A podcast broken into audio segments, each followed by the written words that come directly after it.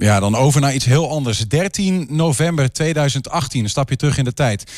Worden er eh, vier mensen vermoord in een grow shop in Enschede. Twente is in shock. Een jaar later worden een vader eh, met zijn twee zoons uh, veroordeeld tot een levenslange celstraf.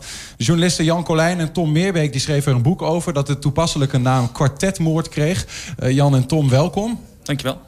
Goed dat jullie er zijn. 13 november 2018. Uh, Tom, weet jij nog waar je was toen je het hoorde?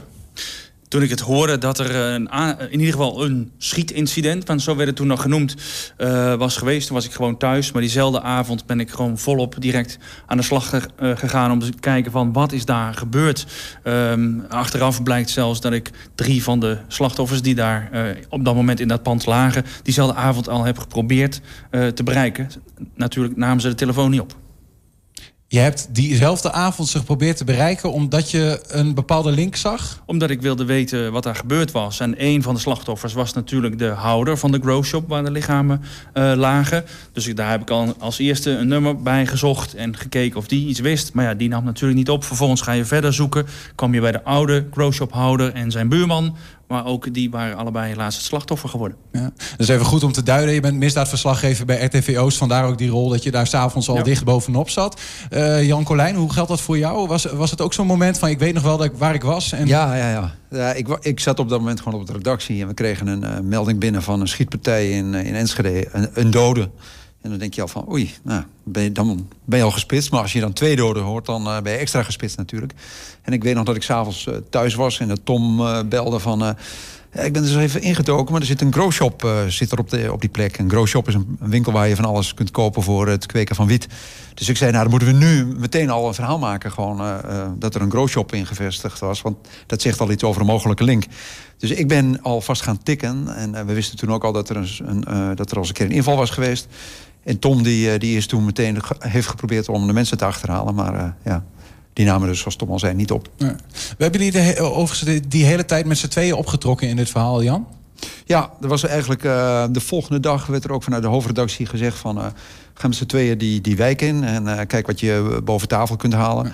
Afhankelijk gingen we ook zonder camera de wijk in, omdat dat natuurlijk ook weer afschrikwekkend, afschrikwekkend kan werken. Um, maar na de eerste dag, toen hadden we al meteen twee, drie, vier verhalen, denk ik.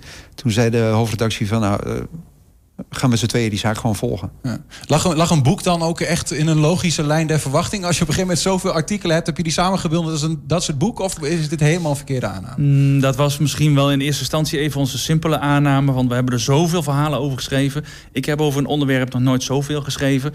Um, uh, laten we het bundelen, kaf erom klaar. Maar toen dachten we, dat, dat is toch te simpel. Dus toen zijn we na afloop van het strafproces, afgelopen september... zijn we toch weer uh, dieper erop ingedoken... En gekeken van wat kunnen we nog achterhalen? Welke vragen hebben we eigenlijk helemaal geen antwoord gekregen? Bijvoorbeeld, uh, een van de drie verdachten... die kwam al na drie dagen na die moordpartij in, boor, in, in beeld bij de politie. Er zat het DNA van hem op een kogelhuls. En eigenlijk niemand had zich tot dat toe afgevraagd... waarom zat zijn DNA in die databank? Hoe ontstond die match zo snel? Dus daar zijn we uh, op zoek gegaan naar uh, het antwoord. Dat en is ook in die, in die hele rechtszaak... is dat wat jullie betreft niet, weinig besproken? Is niet besproken. Ah. en toch wil je dat eigenlijk weten. Hè? Stond ook niet in een dossier. We moesten dat er gewoon... Ja. aanvullend moesten we dat... Ja, het stond ook niet in het politiedossier. Dus toen dachten we, uh, we gaan zelf op zoek. Ja. En het blijkt dus dat het uh, DNA van deze uh, oudste zoon in de databank zat... omdat hij in 2010 zijn toenmalige vriendin heeft geslagen. Is hij in eerste instantie nog uh, voor vrijgesproken... door de rechtbank hier in Almelo. Maar later uh, in hoger beroep toch voor veroordeeld. En is zijn DNA in die databank blijven zitten. Dus wat dat betreft kun je zeggen dat dat hem uh, de das om heeft gedaan. De hele familie eigenlijk. Ja, hij, is, hij is wel, dus met, met die DNA-match is hij uiteindelijk ook opgespoord. Konden ze ja. snel bij hem zijn? Konden ze snel bij hem zijn. En is vervolgens het hele politieapparaat uitgebreid. En met met, met, tap, met taps. Dus afgeluisterde gesprekken met... Um, uh, ja, wat eigenlijk niet. Ze mm -hmm. hebben alles ingezet. De politie, observatieteams, 40 man sterk. Ja, om deze ja, drie mannen, uh, een vader en twee zoons, ja, net te laten sluiten. Ja. Misschien nog goed om even aan te vullen. Uh, ze hadden dus wel het DNA-treffer, hadden ze. Maar dat is onvoldoende natuurlijk uh, als bewijs. Want dan kan hij gewoon zeggen, ja, ik heb die kogel ooit verkocht. er was DNA aangetroffen op een huls die was gevonden in de growshop. En vandaar dus dat wat Tom zegt, is er negen dagen nog aanvullend onderzoek verricht. En, en pikant is natuurlijk wel dat de politie had allerlei aanwijzingen, echt concrete aanwijzingen, dat er uh, misschien wel aanslagen op komst waren uh, richting mensen als vergelding. Dus het was echt een, waren negen spannende dagen. Want uh, voor Zou er nog waren... meer gebeuren? Twente stond op scherp. Ja, ja, de onderwereld. En dat was ook de aanleiding voor Chantal Westerhof. Dat was de woordvoerster van het rechercheteam. Om tijdens het programma van, van Opsporing Verzocht uh, om een oproep te doen van hou het hoofd koel en neem niet het recht in eigen hand. Ja, Daar waren ze echt bang voor op dat moment. We, we, we slaan eigenlijk een, een, een, deel misschien in dit gesprek wel een beetje over, omdat ik ergens ook een beetje bang ben om de vraag te stellen. Maar voor de mensen die dit eh, ja, gemist hebben, of het is natuurlijk zo'n enorm verhaal, uh, Tom. Maar is het samen te vatten in een notendop wat hier nou precies is hm. gebeurd? Of is dat. Nou, uh, dan zou je moeten zeggen vier slachtoffers die dag. Uh, drie verdachten die daar op camerabeelden staan... waarvan DNA is gevonden in de grow shop... en allerlei belastende gesprekken zijn opgenomen. Wat kwamen ze daar doen in die grow shop is dan misschien vraag drie. Dat is een, blijft een klein beetje giswerk. Uh, waarschijnlijk hadden ze een ruzie met de oude grow shop houder. Die had ze in het verleden ooit uh, verkeerde hennepstekjes geleverd... die mindere opbrengst hebben. Dus ze kwamen verhaal halen. Ze wilden hun geld.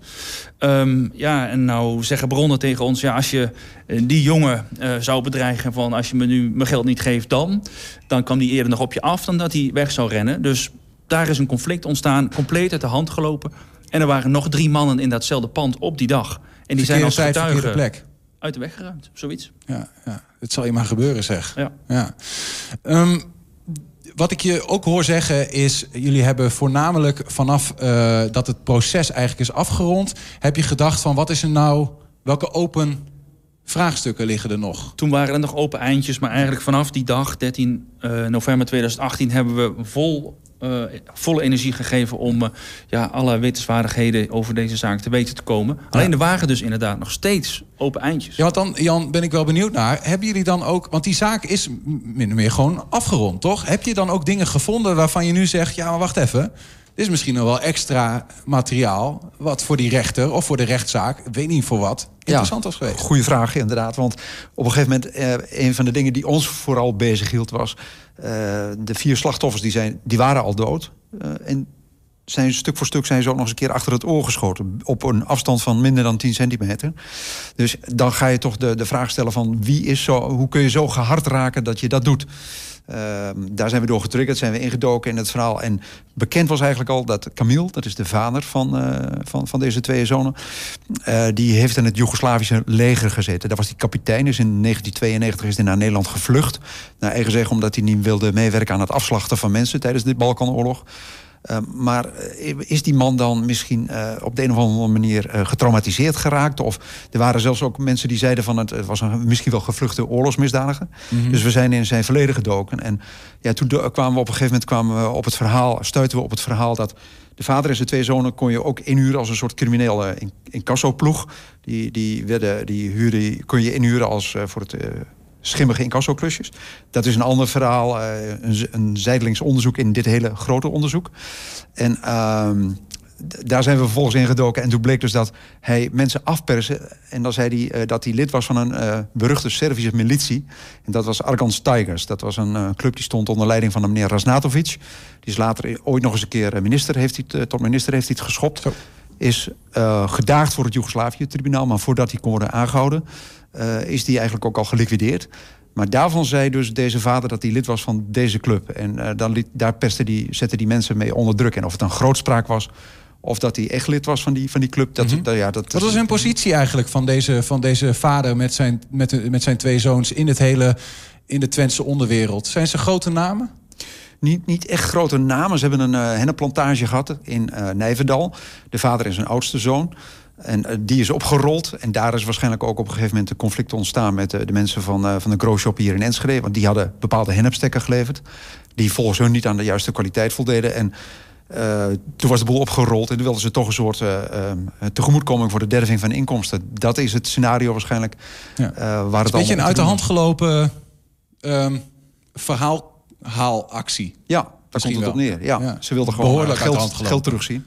En uh, de, de, de man die ze hebben uh, die hen de foute hennepstikken had geleverd. Die zei van, ja, hoezo uh, derving van inkomsten? Ja. Jullie uh, hennepplantages opgerold, dus jullie hadden sowieso geen inkomsten. Tom, de, de, de, de, dingen die in jullie boek staan, kwartetmoord... zijn dat nou um, zaken die jullie vooral uit dossiers hebben gehaald... uit de zoektocht misschien wel naar achtergronden vanuit Joegoslavië... de achtergronden van de families? Of hebben jullie ook echt veel mensen gesproken... die dicht bij deze mannen of bij de slachtoffers staan? Het is begonnen met het spreken van heel veel mensen eromheen. Getuigen heet dat dan. Of dat nou kennissen waren van de slachtoffers... of kennissen van uh, de veroordeelden, moet ik nu zeggen. Verdachten officieel weer, mm. want ze zijn in hoger beroep.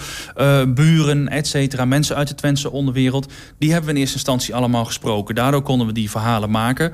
Heel af en toe konden we dat staven met bijvoorbeeld politierapporten waar we de hand op hadden weten te leggen. Maar um, dat is altijd wel fijn, hè? dat je het ook ergens terugziet, zwart-wit op papier. Um, maar voor ons boek hebben we nu ook de beschikking gekregen over het hele politieonderzoek. Dan moet ik daarbij zeggen, niet van de politie gekregen, maar dat kwam dan tot ons, zeg je dan zo mooi. Uh, waardoor we echt een heel goed inkijkje hebben kunnen geven, ook hoe die politie te werk is gegaan. Dus um, in eerste instantie begonnen met eigenlijk heel veel uh, spreken met mensen en later dus alles terugzien ja. op papier. Ja, en wat lezen we dan specifiek in, in dat boek? Want het, ik zeg, het is een wijd, wijd verhaal. Ja. Ik kan me zelf voorstellen dat het zo wijd is dat het lastig is om het in één boek uh, te vatten. Heb je alles wat je weet ingezet of niet? Nee, niet alles staat er nog steeds niet in. Maar dat, dat past misschien ook niet. Is ook niet helemaal nodig. Het moet ook begrijpelijk blijven voor de mensen natuurlijk. Wat je in het boek leest is onze zoektocht. Hoe zijn wij tot onze onthullende reportages gekomen? Er is een verhaallijn. Hoe gaat de politie te werk om deze ja, uh, criminelen te pakken? Hè, deze verdachten te pakken. En er is een verhaallijn waarin je toch een beetje inzicht krijgt in uh, de verdachten. We hebben de verhoren uitgebreid uitgeschreven... waardoor je toch een beetje het gevoel krijgt... wat zijn dit voor jongens? Heb je er begrip voor ze? Als ze dit gedaan hebben, nee, absoluut niet. Natuurlijk. Nee, dat, dat dat gaat ook niet. Maar uh, als ze dit echt zo gedaan hebben, dan lijkt het me ook bijna dat het moet zijn overkomen. Maar goed, dan ga je nog steeds met wapens naar een grow shop verhaal halen. Dus als je een wapen meeneemt, dan kan het gebeuren bij een conflict dat je hem gaat gebruiken. Dus ja, ja. Uh, begrip hm, kan ik niet zeggen. Nul begrip. En wat ze ook heel zwaar is aangerekend, is dat ze uh, hun proceshouding tijdens het uh, hele strafproces. Ze hebben eigenlijk zich stelselmatig beroepen op hun zwijgerecht. Dus nooit iets gezegd. En dat heeft ze eigenlijk heel zwaar aangerekend door de rechtbank. Die heeft gezegd van jullie hebben antwoord op vragen waar nabestaanden mee kampen. En uh, jullie doen het zwijgen ertoe. En dat is extra zwaar aangerekend. Ook nog eens een keer in het vonnis van levenslang. Ja. Als je met die, die nabestaanden spreekt, hè, gaat je dat dan, hoe gaat je dat in, in je kleren zitten? Hoe kom, hoe kom je s'avonds thuis? Het zijn super heftige verhalen, denk ik. Ja, nou ja, aanvankelijk um, dan ga je heel professioneel met het verhaal bezig. En dan kijk je er uh, beroepsmatig kijk je ernaar. En, maar op een gegeven moment kwam dus de rechtszaak. En dan hoor je bijvoorbeeld het hele verhaal van, uh, van nabestaanden. De, de slachtofferverklaringen.